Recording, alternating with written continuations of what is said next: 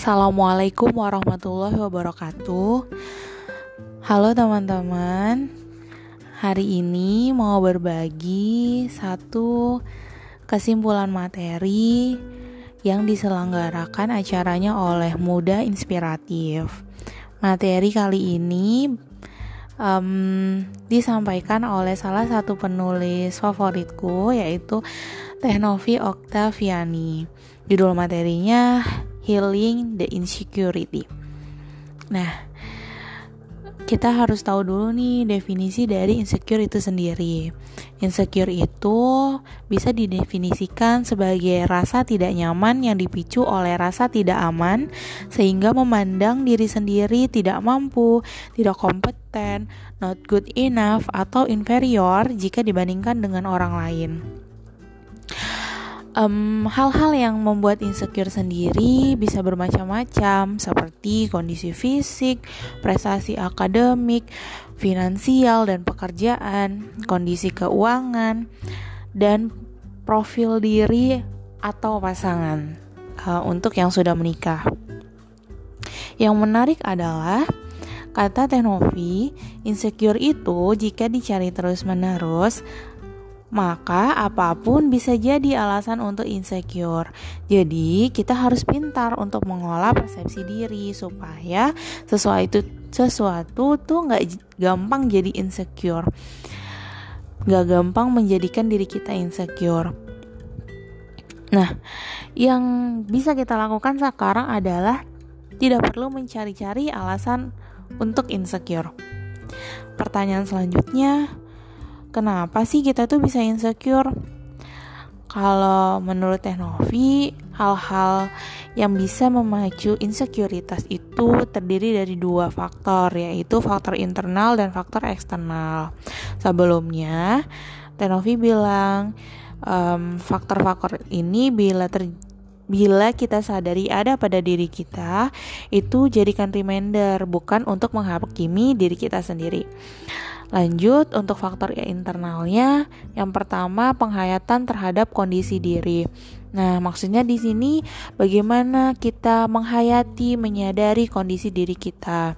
Terkadang kan omongan negatif orang itu banyak, tapi kita harus sadar bahwa omongan negatif orang yang gak beralasan, hal itu nggak akan mendefinisikan diri kita sendiri.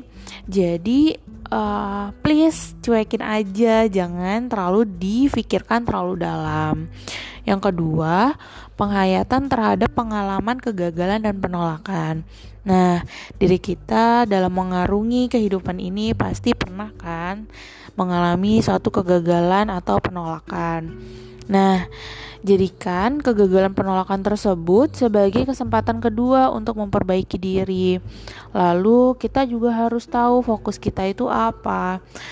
Fokus kita adalah upaya karena ranah hasil itu ranah Allah Subhanahu wa taala. Nah, faktor internal ketiga Faktor internal ketiga yaitu biasanya kita berfokus pada kekurangan diri.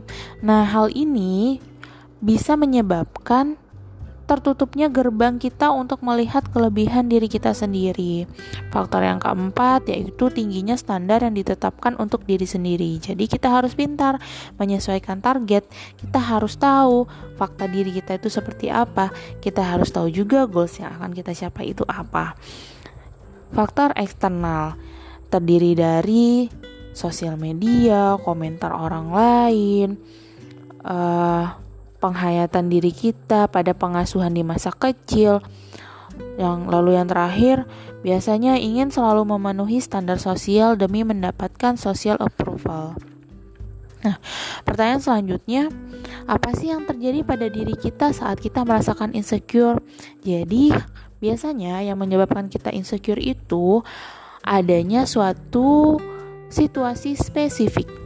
Misalnya, orang bilang, ih kok kamu kurus banget sih? Gitu kan. Lalu timbullah nih pikiran otomatis pada diri kita. Jadi kita bilang pada di pada diri kita sendiri iya ya kok aku kurus banget aku tulang banget nih gitu. Lalu setelah muncul pikiran otomatis tumbuhlah emosi. Emosinya bisa berupa emosi sedih, emosi mungkin marah pada omongan orang, emosi kecewa pada diri sendiri. Lalu setelah muncul emosi ini akan muncul tingkah laku pada diri kita. Nah, setelah kita tahu ya alur ini, biasanya ketika insecure yang akan kita sadari lebih dulu itu malah adalah tingkah laku yang terjadi pada diri kita. Maka yang harus kita lakukan adalah kita harus telusuri dulu nih, kita harus flashback ke belakang.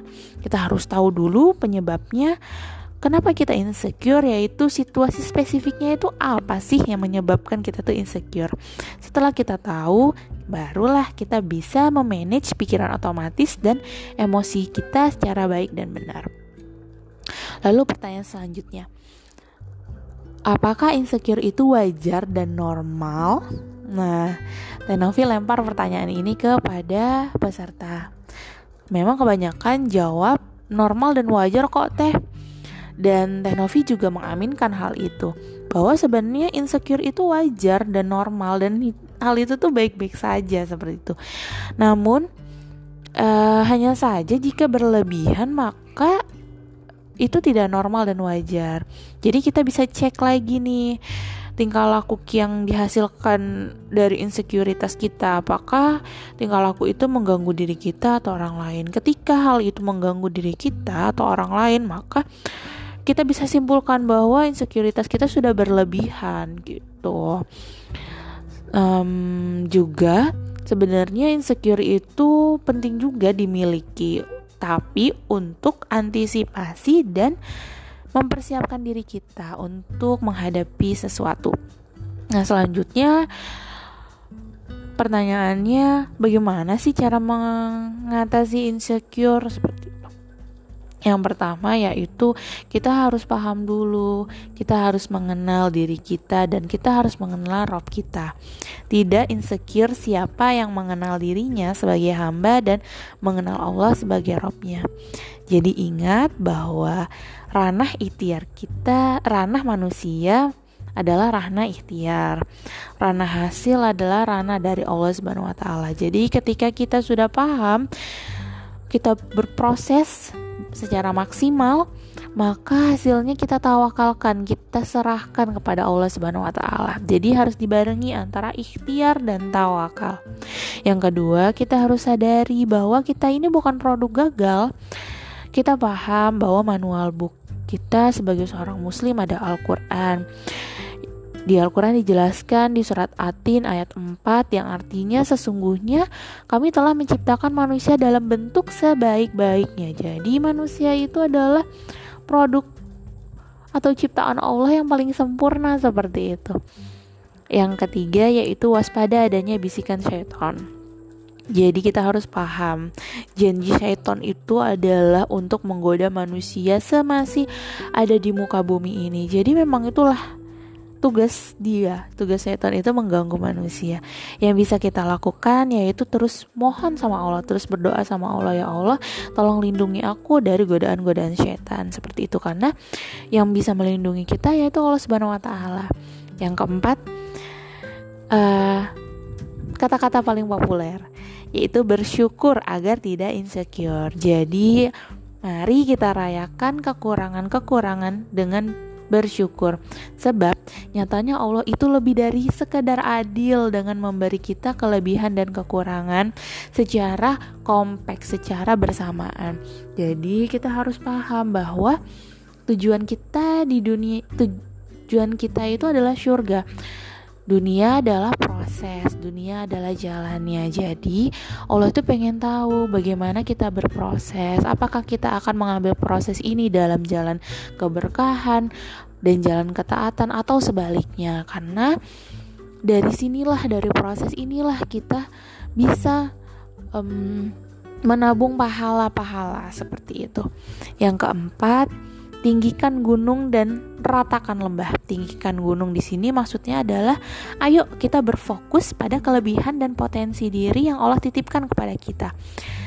Ratakan lembah maksudnya bukan berfokus pada kekurangan atau sesuatu hal yang sebenarnya kita tidak miliki seperti itu.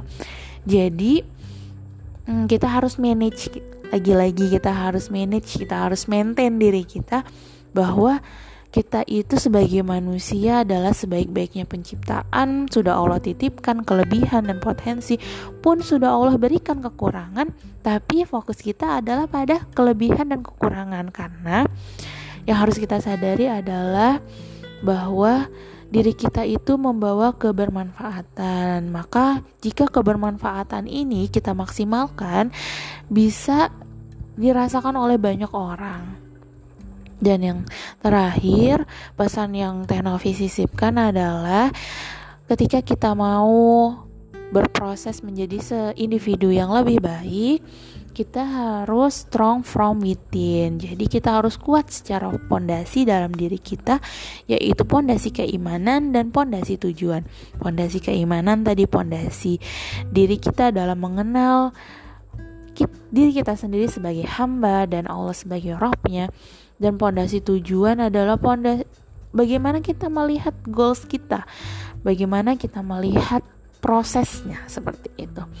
Nah, semoga uh, teman-teman yang uh, kebetulan mendengarkan podcast ini bisa mendapatkan insight baru terkait dengan mengatasi insecurity. Semoga Allah selalu mampukan kita untuk menjalankan sesuatu hal yang baik dan memberikan kebermanfaatan bagi sekitar. Semoga bermanfaat, teman-teman. Wassalamualaikum warahmatullahi wabarakatuh.